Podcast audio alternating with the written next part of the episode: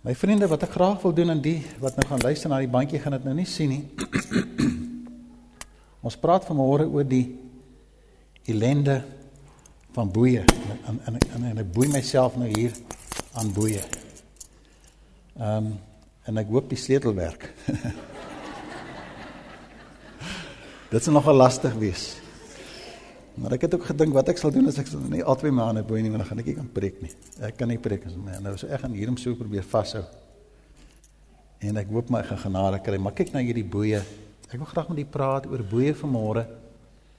En jy sal sien waarom ek graag soos wat die Here op my hart gelê het en toe ek moes praat hieroor het hierdie gedeelte in my hart aangegryp om dit te gesels oor uh Matteus 16 en die baie sterk gelaaide betekenisvolle gedeelte van vers 13 wat gaan oor die belydenis van Petrus. En u sal sien ek het ook op die blaadjies wat ek aan u voorgehou die, die, hele gedeelte van vers van vers 1 tot en met uh, ek dink ons moet die hele gedeelte doen tot by vers 20 28. Ek gaan dit nie lees uh, alles aan u voorlees nie, maar ek wil graag die kern van die gedeelte waar ek wil fokus vanmôre wil ek baie graag in die naam van die Here aan u voorhou. Nou Here, voor ek u woord lees, wil ons vanmôre as gemeente erken, ons erken die gesag van u woord. Ons aanvaar hierdie woord as u geïnspireerde woord. En met al die vrae in ons harte, Here, buig ons laag voor u as ons baie van die eienskappe in die woorde en die inligting in die woord nie verstaan nie. Buig ons laag voor u en erken vanmôre u het dit vir ons gegee. Dankie dat ons in ons hart kan vashou. Dankie vir die wyse waarop die man en vrou opgeroep het as vertalers op te tree. En ons ere Here vir die industrie die waar dit gedruk kan word of vanmôre in ons midde is. En ons dink aan so baie plekke in die wêreld waar die woord nog versprei moet word, die fisiese woord. En konfess dit aan hierdie woord in ons harte as ons sidderend vanmôre, versigtig. Die voorreg het om hierdie woord te kan lees. Here help my asseblief vir my verstand en my hart dat ek vanmôre dit reg interpreteer en dit aan my broers en my susters oordra. En kom self deur die Gees en openbaar dit in ons harte, kom anker dit in ons harte. Want ons glo dit is die waarheid. En daarvoor eer ons U. Amen. Vriende, ek gaan vir julle die nuwe vertaling lees vanaf vers 16. Die woorde in die ou en die nuwe vertaling verskil nie baie hier nie. Maar die Bybel sê van ons in vers 13, toe Jesus in die streke van Caesarea Philippi Philippi gekom het, het hy vir sy disippels gevra: "Wie sê die mense is die seun van die mens?" En hulle antwoord: "Party sê Johannes die Doper, party Elia, party Jeremia." En een van die profete. Dan in vers 15. Maar julle het hy gevra wie sê julle is ek? En Simon Petrus het geantwoord: U is die Christus, die seun van die lewende God. Gelukkig is jy Simon Barjona het Jesus vir hom gesê want dit is nie 'n mens wat dit aan jou openbaar het nie maar my Vader wat in die hemel is. Tot sover hierdie gedeelte uit die woord van die Here en ek gaan ek gaan ook in die res van hierdie gedeelte ook tekste aan u voorhou wat ek graag sou wou gebruik het as as as 'n ondersteuning vir die gedagtes wat ek vanmôre met u wil deel. Daar is my gevra om te praat oor die woord hopeloosheid of miskien in terme van die woord uh 'n hooplose omstandighede of 'n ervaring wat 'n mens deurgaan waar daar geen hoop is nie, daar's geen lig. Daar's geen uitkoms nie en dit word gedefinieer as omstandigheid waar ons as 'n mens of 'n individu geen beheer het of 'n plan het om uit die ons uit die omstandighede te ontsnap nie. Met ander woorde dis is dis 'n omstandigheid waarin daar 'n ding met jou gebeur. Jy het nog altyd beheer gehad oor jou lewe, het beheer gehad oor omstandighede, beheer gehad, jy het altyd antwoorde gehad, jy is in beheer, jy kan dit lei. En nou land jy in 'n omstandigheid waar daar geen beheer is meer nie. Dit is buite jou verwysingsraamwerk. Ek en Wendy terwyl ons gesit het en gehoor het hoe hulle veg in die Rooikruis Hospitaal om ons kind aan die lewe te hou met masjinerie en pype in sy keel af te druk sodat hy kan asemhaal, het hy sy bewussyn verloor het en 3 dae later wakker geword het, het die die personeel vir ons gesê julle moet in die kamer langsaan gaan wag want die tyd is naby om afskeid te neem. Buite ons beheer oorgegee aan ander mense. En op daai oomblik raas jou verstand so hard en die hoor hoe die Heilige Gees kom klop.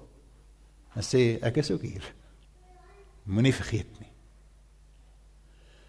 Miskien het jy ook 'n ervaring al in lewe gehad, miskien gaan dit nou met u so. En die wat luister na die bandjie daar waar jy luister, dat jy dalk nou in 'n omstandigheid is as jy mond oopmaak is daar nie meer woorde nie.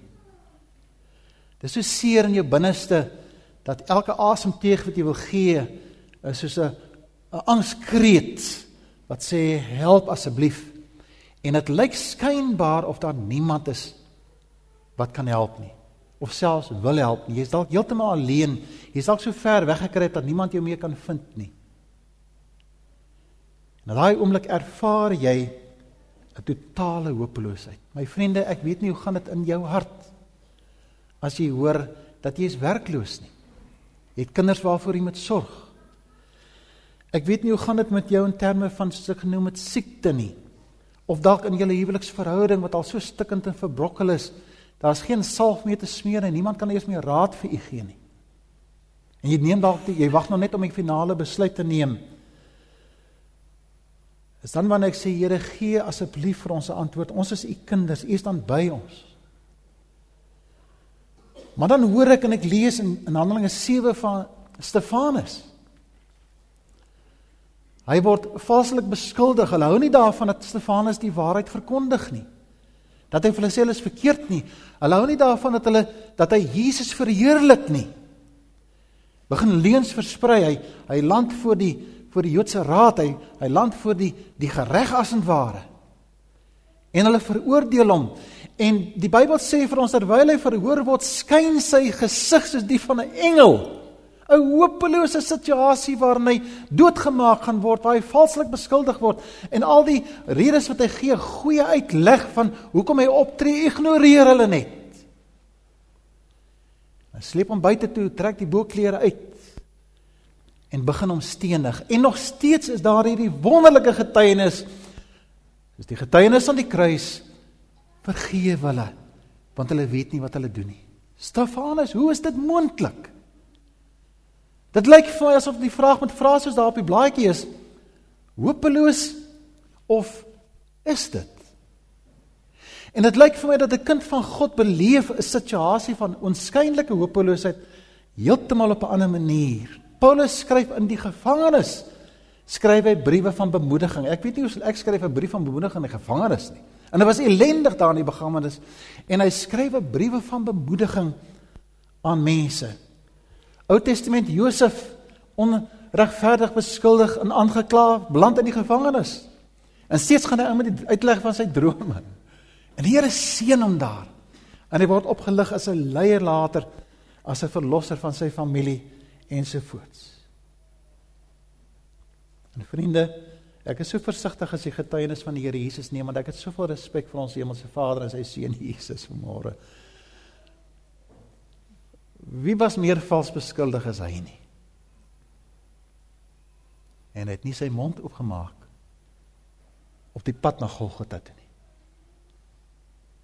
Want vriende met die wysheid wat Jesus gehad het, kon hy twee woorde gespreek het en hulle sou hom vrygelaat het. Maar hy het stil gebly.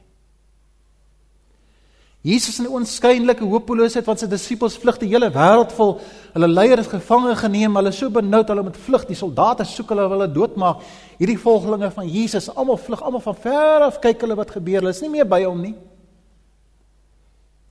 Daai verskriklike hopelose toestand aan die kruis. Kom die Here Jesus en in die wonder van wie hy is, seun van God verlos hy nog iemand aan die kruis. En hy sê vandag is jy saam in die paradys. En hy sê Vader, vergewe hulle want hulle weet nie wat hulle doen nie. Bliks dat hy vergeld het.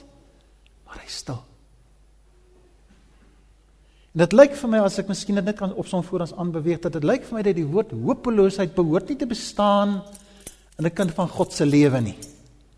Daar mag nooit 'n boei wees van hopeloosheid nie. Ons moet oorwinning kry oor die uitdaging wat na ons toe kom wat vir ons uitdaag in ons mensheid van Galasiërs 5 wat vir ons dat hierdie stryd tussen die vlees en die gees vir ons wil vashou en vir ons vertel die situasie is hopeloos. Maar wanneer ons weet ons is kinders van die Here, ons behoort aan hom en hy is hier by ons in hierdie gemeente, in hierdie gebou vanmôre en dit maak nie saak wat die omstandighede is wat ek baie respekteer vanmôre om vir te sê en die uitdag om te sê hy is ons verlosser. Lyk my die woord hopeloosheid kan nie bestaan in die kind van die Here se lewe nie. Die ware kind van God se lewe, dit mag nie daar bestaan nie. En dit lyk my dit kan ook nie daar bestaan nie. Dis onmoontlik want die Here is dan by ons en hy het al die antwoorde. En die belangrikste is my lewe en u lewe is in sy hand. Moenie veg teen die pyn nie.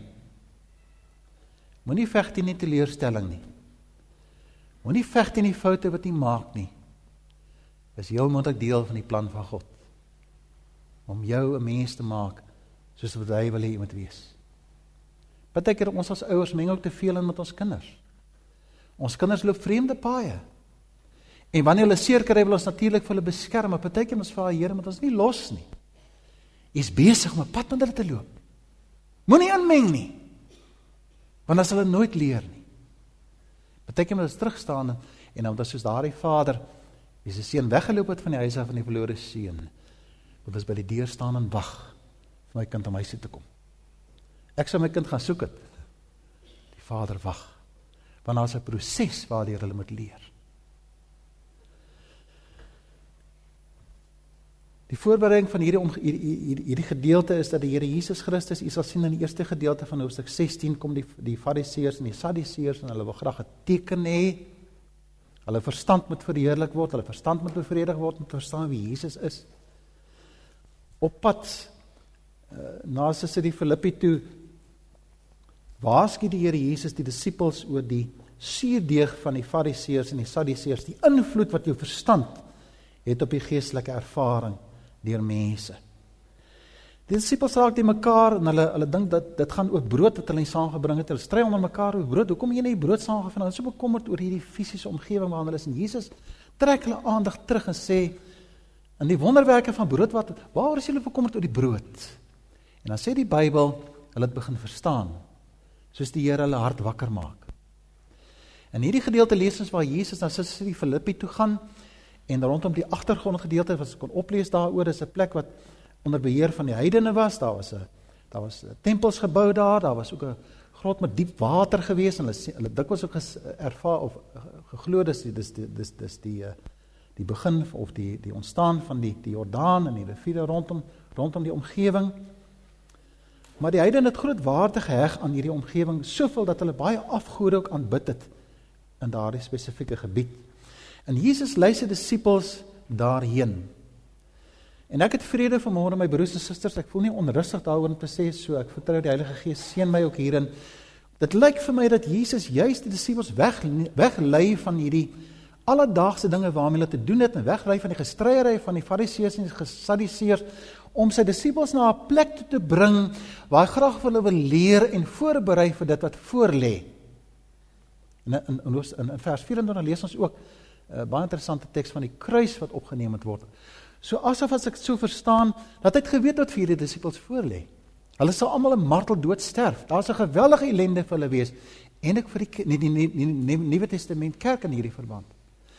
So hy lei hulle na 'n plek toe waar die geraas moontlik van die Fariseërs en die Sadduseërs en al die slimmigehede vir 'n oomblik uit een kant hy wil vir hulle gaan leer tyd afsonder om vir 'n geloofsanker te gee. Nou wil graag vanmôre met u praat oor daai geloofsanker, 'n spesifieke tyd in die geskiedenis van die die verlede en die Here en gesien is in die middelpunt van die eeu wat saam met die kruis hang wil hy vir hulle 'n belangrike Bybelse of 'n waarheid aangaande homself en hy wil hê hulle moet dit verstaan en snap en ek gaan vanmôre met u praat soos daai teks my hart geslaan het wat uitgekom het daar. Daarom word die vraag gevra wat sê die mense wie is ek? En dan word daar genoem van van Jeremia en profete. En dan fokus die Here Jesus Christus en hy sê: "Julle wat saam met my geloop het, julle wat saam met my gewandel het, wie sê julle is ek?" En dan die swaar gelaaide stelling: "U is die Christus, die seun van die lewende God." Hier is die Christus die verlosser. Hulle stap tussen die klomp heidene deur en hulle sien die afgode en daar word bygesit die seun van die lewende God te midde van die dooie afgode. En let op die bepaalde lidwoord die. Nie 'n nie, want is dit daar's baie gode, daar's baie Christusse. Maar is die Christus. Die fokus op alle eeue in hom en hom alleen. Terwyl hy dit sê, fokus die Here Jesus. Dis die geloofswaarheid, die anker. Sê vir hom Simon, dit wat in jou gegee is, is deur my Vader aan jou gegee. Dit het nie uit jou verstand gekom nie. Dit het nie uit rede uitgekom nie. In die hopelose toestand kan jy dit nie gaan uitwerk nie. Jy het nie beheer daaroor nie. Daar het 'n wonderwerk plaasgevind. My Vader het dit vir jou gegee.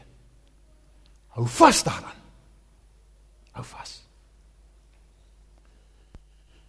Die eerste gedagte wat my hart gryp en jy kan dit daar op die blaadjies gaan invul en ek wil so, ek ek sal ek sal so waardeer my vriende as jy op die ander kant van die blaadjie gaan skryf wat die Here vanmôre vir u sê. Hou dit in die Bybel en gebid daaroor wat die Here in die hart openbaar. Die antwoorde op hierdie gedagte dat hooploosheid verander is dit of is dit nie en ek ervaar as kind van God dit kan nie wees nie moet ek verstaan wat dit beteken in eerste plek as my fokus is is vir my 'n anker uh, want U is die Christus U is die seun van die lewende God en U is ons verlosser. So wat het ons geskrywe daar? U is die Christus. En ek wil graag met U deel soos dit hier in my hart uitgekom het. Jy sien my vriende wanneer die Here in ons hart raak en die eerste keer jy van jou knie af opstaan na dat die Here jou geseën het en jy in staat sou wees om jou hart aan die Here te gee terwyl hy homself openbaar het aan jou is die kosbare ervaring dat die Here Jesus is die Christus.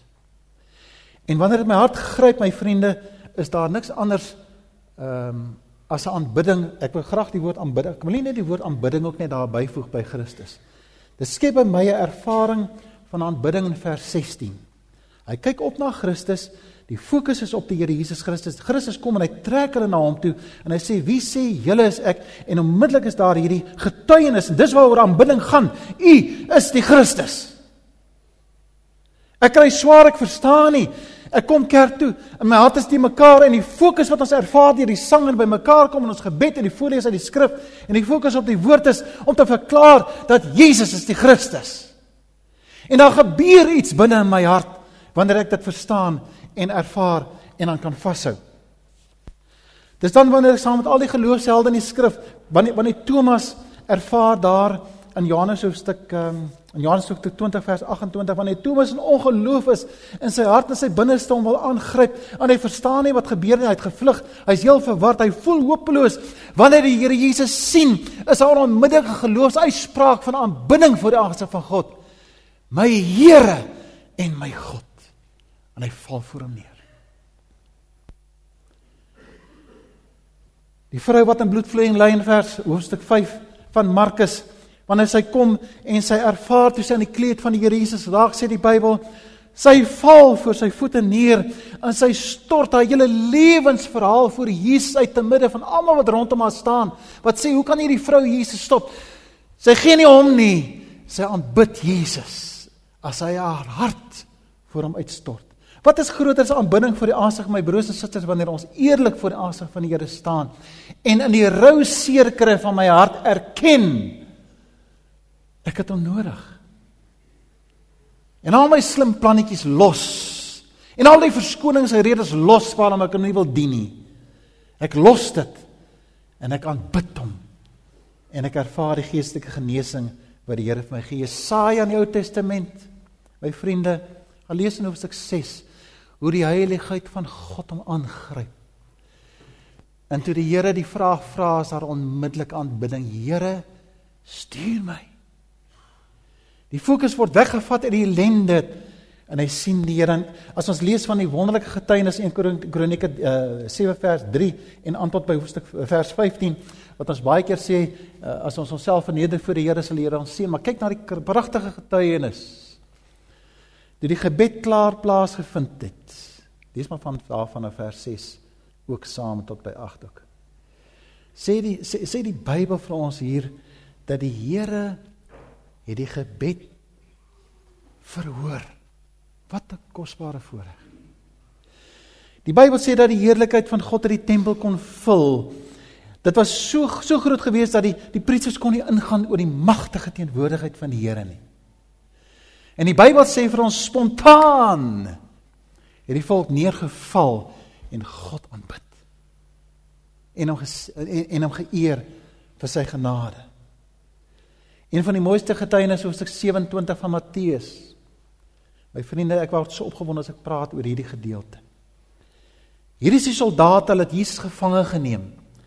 Hulle is daar in die verhoor. Hulle hoor word hy beledig en beskuldig. Hulle luister na die veroordelings.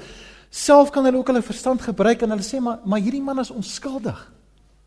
Daar word selfs 'n klaring gemaak oor onskuldig. Selfs aan die kruis sê een van die misdadigers, hierdie man is onskuldig. Kan ek dit in my gees as oog dink hoe dit moes gewees het vir daardie soldaat en ek kan maar net indink hoe dit is. En as jy sien na sy uitspraak, wonder ek of die Daniel reeds gewerk was in sy hart nie om die hande van Jesus te vat en die spykers in te slaan en hy weet hy's onskuldig. En die magte in die hemel huil oor wat gebeur. As ek seker dat hierdie mense wat daar sit moes ervaar, hier is iets verskriklik besig, verkeerd besig om te gebeur. En hy slaan die spykers in. En ek dink verdwaas het hy miskien teruggestaan saam met die die Bybel sê die ander soldate het daar gestaan. En en en en, en toe hy sterf. Dieselfde getuienis. Waarlik hierdie man is die seun van God. Is dan my vriende wanneer ek nie anders kan in 'n oomblik van hopeloosheid is daar net een woord in gedagte wat in my hart opkom in hierdie getuie, hierdie geloofsanker en ons het dit nodig en ons gaan dit op baie nodig in die tyd waarin ons lewe my vriende. Met al die valsheid en die stikkindheid wat in die mens neersak, waar die duisternis besig om nader te kom, is daar 'n lig in ons harte en jy moet verstaan as ons kan glo en ervaar en beleef en erken dat Jesus is die seun van God, die verlosser ware lewende God. En dit is 'n kans om te verstaan, daar is nie so iets as hopeloosheid vir die kind van God nie. Here Jesus lewe. And if God should choose my life I lose, I will still serve God. Dit gaan nie oor jou skatte nie. Dit gaan nie oor jou gesondheid nie. Dit gaan nie oor jou toestand Dit gaan oor Jesus. En hom as die gekruisigde waarvan Korintiërs praat. Die tweede gedagte wat ek graag met u wil deel is en ek kan opsit daar vir ons op die bord is die openbaring dat God dit gegee het. Die antwoord uit 'n oënskynlike ervaring van hopeloosheid lê nie in die boeye nie, lê nie in die omstandighede nie, maar die wonderwerk wat in jou hart gebeur het die dag toe die Here Jesus in jou lewe ingekom het. So julle rukkie terug praat ek met 'n 10-jarige dogter wat my vra: "Oom Chris, hoe kan ek seker wees? Hoe weet ek?" En ek het besef dat ek kan vir haar Bybeltekste aanhaal, ek kan van daar praat uit my persoonlike ondervinding, ek kan met haar enigiets deel wat ek hoor by ander mense en ek kan dalk hou by 'n mooi uh vorm wat aan my voorgehou is hoe mense na iemand na die Here Jesus toe lei. Ons kan selfs sy vier wette kan ons gou met hulle deurwerk, die lewenswette. En ek besef ek kan dit nie vir haar gee nie. Ek sê vir haar die volgende en ek weet dis nie 'n antwoord op daai oomblik nie. Ek sê vir haar my kind vat haar hand so en ek sê vir haar Ek het nie antwoord vir jou nie. 10-jarige kind, ek sê vir haar maar ek weet jy sal weet as dit die geval is. En sy gaan van my af weg met miskien meer vrae in haar hart. Toe daai kind 13 jaar oud word eendag loop sy my raak hier by by Tygervallei. En sy storm op my af sy sê oom oom ek wil graag vir u iets sê en sy hou my hand vas en sy sê vir my ek weet. Ek weet. En ek bid die Here die werk gedoen. Jy sal nie die antwoord kry altyd wat mense vir jou sê nie. Jy se moontlik nie die antwoord kry in jou jou verstand nie. Die antwoord lê nie in wat jy dikwels glo nie. Maar dit lyk vir my wanneer God hom openbaar in ons harte soos wat die antwoord hier gegee is in die kosbare geloofswaarheid en die anker gee die Here dit vir jou. En as as Christus vir my gee in die wyse waarop hy gesterf het aan die kruis en die openbaring die Heilige Gees in my lewe, as dit eers in my hart 'n vesting geword het, 'n anker geword het, kan niemand niemand dit van my af wegvat nie. En daai bitter nag toe ek en Noone nie antwoorde gehad het nie en my verstand totaal ingegee het en ek nie meer 'n rede gehad het nie, was 'n een saaitjie wat in my hart opgekom het. Jesus is in beheer. En vriende, dikwels is dit al wat ons het. En dit is eintlik al wat ons het. Is dit nie kosbaar nie? In hierdie geval is dit 'n wonderwerk wat plaasgevind het in hierdie gedagte nou. Is dit so 'n teenstelling met wat die Sadduseërs en die Fariseërs die Sadduseërs gesoek het? Hulle is ook 'n teken. En my vriende, in hierdie oomblik toe Jesus sê, die Vader het dit in die hart geopenbaar en hy sou verstaan daai was die teken dat die werk gedoen is en die antwoord van God afkom. Dit wat ons sien met ons verstand is nie altyd die antwoord, die waarheid nie, vriende. Dit gaan nie oor die geld wat ek verloor of die fisiese liggaam wat vir my probleem is nie of die omstandighede wat ek probeer verstaan nie. Dis nie waar die teken lê nie. Die teken lê in die vrede in jou hart. Wat gee die Here vir jou in jou hart sodat die boeye waarmee jou verstand jou wil boei los kan kom. Laaste gedagte wat ek graag met net net met u wil deel.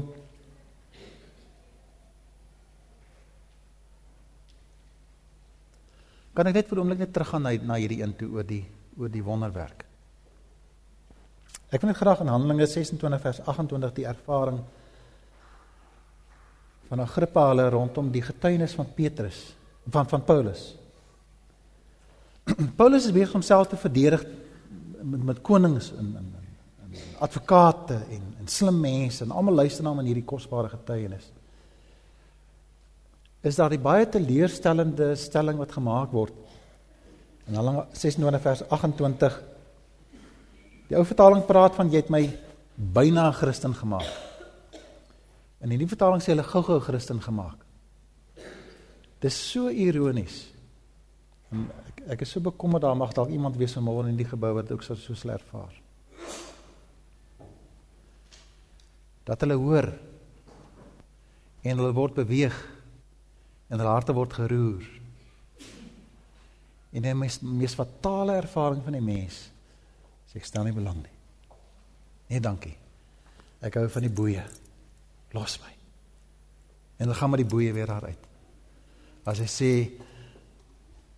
Almal moet wees soos ek, maar sonder die boeye. Dis 'n hierdie ervaring wat ek dan in die derde plek aan hulle voorhou vers 24 net baie vinnig is die getuienis in vers 24 dan ek dink dit is deel ek glo dis deel van hierdie ervaring los te kom van hierdie boeye van hopeloosheid en die pyn wat sou voorlê en disippels julle sou almal vervolg word julle sou almal marteldood sterf Dit is belangrik dat ons moet leer om die kruis op te neem en die Here Jesus volg en die offer voor die aangesig van die Here moet gee. Dan wil ek vra Here help van my om te verstaan wat dit beteken.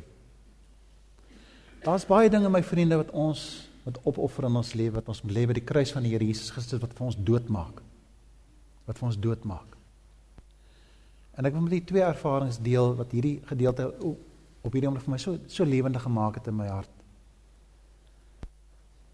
Ek kan nou nie staan in in in in Frank in in, Frankfurt in 'n kathedraal met ons protestante harte vrygemaak in die Here Jesus Christus te midde van 'n katolieke omgewing wat bietjie anders glo. Een van die min kathedrale wat die hekke toemaak as daar 'n diens aan die gang is. En al die besoekers en toe, toe uh, mense wat kom kyk, die gaste moet buitekant staan agter tralies. Want hulle is besig met kerkhou. En hulle sing. En ek kan hoor die loer so deur die tralies en nou kyk ons daar. Onthou ons harte is nou maak nie saak waar jy is nie. Jy kan God aanbid. En miskien moet ek dit ook later kwalifiseer. Dalk is dit nie so duidelik nie. Maar staan daar in hierdie gebou wat miskien anders glo as ons die mense anders as dink aan alles wat plaasgevind het, die geskiedenis en dit wat so belangrik vir hulle is. En ons kyk op en ons begin terwyl hierdie pragtige sang aan die gang is, kyk ons na die mooi glaswerke wat aan in in die vensters aangebring is. En die glaswerke was daar gewees omdat die mense kon nie lees in daardie tyd nie en dan wanneer die priester of die die die die prediker verwys na die, die na na Bybelverhale dan kan hulle verwys na beelde wat hulle kon sien. En ons is in vervoering oor hierdie glaswerk en ons kyk na die pragtige gebou, die groot gebou en die mooi klanke wat ons hoor. En net vir 'n oomblik eer ek die Here dat ek is seker dat die mense wat gewerk het aan hierdie gebou was daar onder hulle ander ware ware kinders van God wat te midde van alles wat hulle gehoor het God verheerlik dit in hierdie gebou. En ek kyk so af en ek sien op die plaatjie teen die muur wat sê this is the house of God. Yeah, you will find peace. En vriende, dis 'n getuienis van môre. Ek staan daar met hierdie teks 24 in my hart. Te midde van 'n stryd in my hart. En baie van u weet van die stryd in my hart oor die bediening.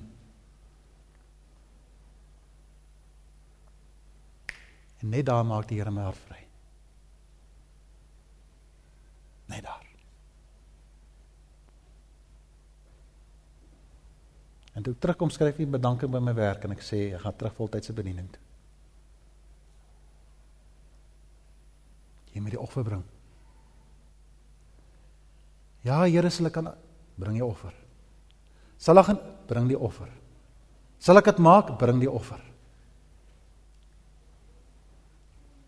U is die Christus. Die seun van die lewende God.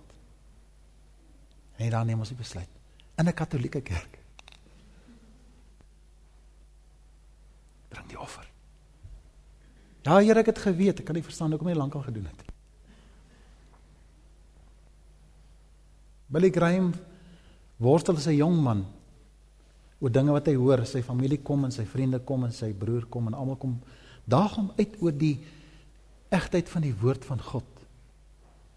Totdat daar tyd in sy lewe kom en dis die laaste gedagte wat ek met u deel. By buitekant in so 'n klein bossetjie so tipe van 'n plantasie instap. Is die getuienis jy kan daarvan gaan lees. Waar hy die Bybel op 'n stomp neersit. Daai stomp vandag het hulle 'n monument daar. Het hy 'n stomp neergesny, tree terug. En dis wat ek vanmôre verklaar voor die aangesig van God. Hy sê Here te midde van die oënskynlike onduidelikhede in die skrif.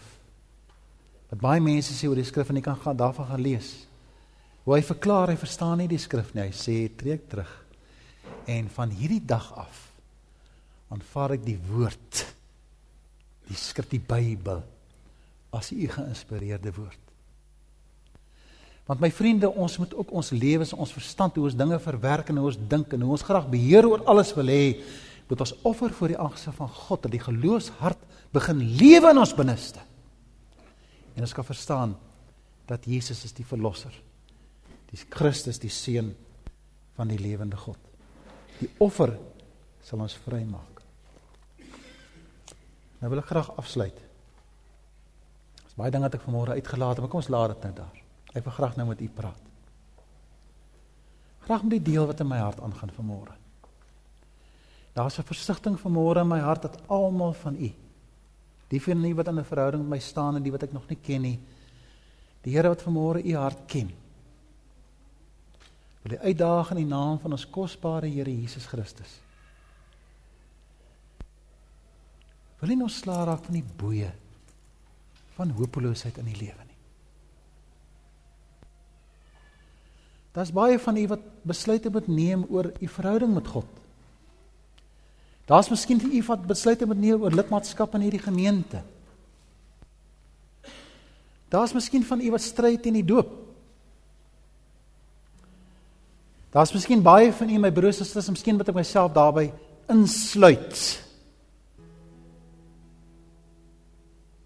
Wat moet leer om te vergewe ook. Daai wat my seer gemaak het. Miskien is daar 'n geweldige donker ervaring en 'n swaar litteken in die lewe oor wat met u gedoen is toe jy 'n kind was. Miskien is daar 'n pa wat jy moet vergewe in hierdie dag. Miskien is daar 'n boetie van jou wat jy moet bel. Miskien is daar 'n bestuurder by die werk wat jy moet gaan omhels. Ek het selfs 'n verhouding begin opbou met 'n moslim om hom die liefde van die Here Jesus te wys oor dit wat die Here in my hart kom doen het. Broeder, as jy vanmôre hier langs jou vrou sit, daar's 'n ander ander vrou in jou kop en ook die wat luister na hierdie bandjie. Daar's 'n ander vrou in jou kop. Hou op met jou redes en verskonings. Hou op daarmee. 'n Liewe mevroutjie, Daai mat wat jy het is die beste wat jy gaan kry. Kyk maar. En wie wat die Here het hom vir jou gegee? Hou klaan kerm oor hom. Hou praat met jou vriendinne oor hom. Hou praat op na jou ma oor hom en hoor nie doen dit gelukkig nie. Ek weet dit. Maar wie of wat skade berokken julle deur ander mense in hierdie ding in te trek?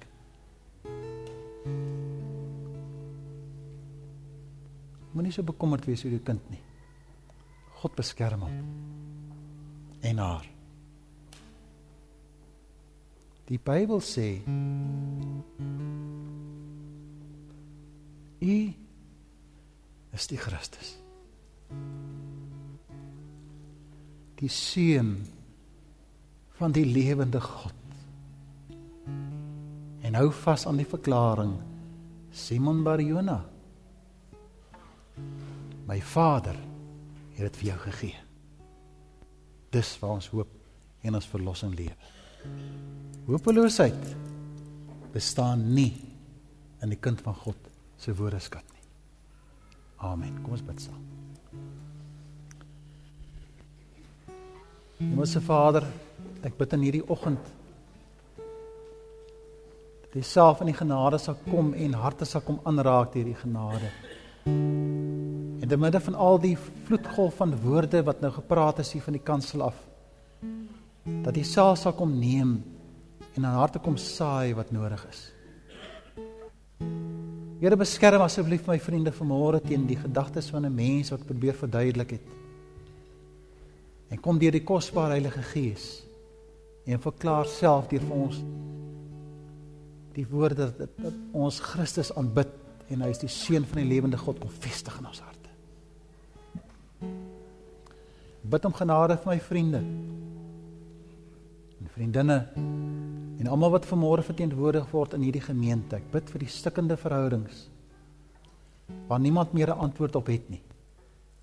Ek bid vir die benoudheid van my vriende vanmôre in ons midde wat nie weet hoe hulle môre gaan gaan benader nie. Ek bid vir die wat in die nag wakker lê met bekommernisse. Ek bid vir die wat vanmôre met krag kry om iemand te gaan vergewe in die dag. Ek vra as om genade vir my vriende vanmôre, Here, dat U verheerlik sal word. Kom en raak ons harte aan en help ons om U te verheerlik in hierdie dag as ons U die eer gee vir die teenwoordigheid in hierdie oomblik, maar vir die wyse waarop U met ons werk ook. Amen.